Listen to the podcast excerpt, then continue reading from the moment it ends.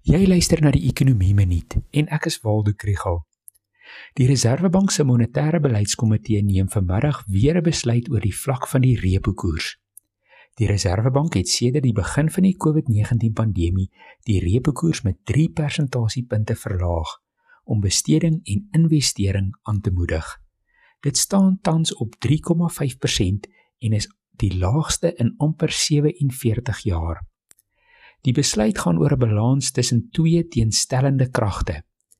Die een is dat die inflasiekoers toegeneem het van 2,2% in Junie na 3,2% in Julie. Dit is steeds 'n lae vlak, maar dit was 'n skerp styging en plaas inflasie terug in die Reserwebank se teikenband van 3 tot 6%. Diegene wat bekommerd is oor opwaartse druk op pryse, kyk veral na die stygings in geadministreerde pryse en die wisselvallige rand-dollar wisselkoers wat ingevoerde insette duurder maak. Die ander kant is die groot inkrimping van die ekonomie in die tweede kwartaal. In vergelyking met die eerste kwartaal van 2020 was die ekonomie 16,4% kleiner. Dit beteken dat mense regdeur die ekonomie inkomste verloor het en dat daar nie van die vraagkant af binnekort druk op pryse gaan wees nie.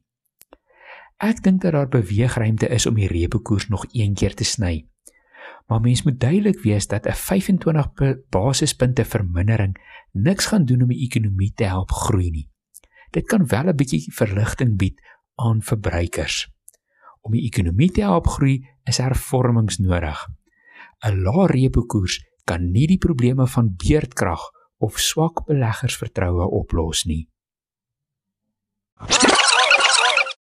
As jy meer van die ekonomie wil leer, volg die ekonomie blok.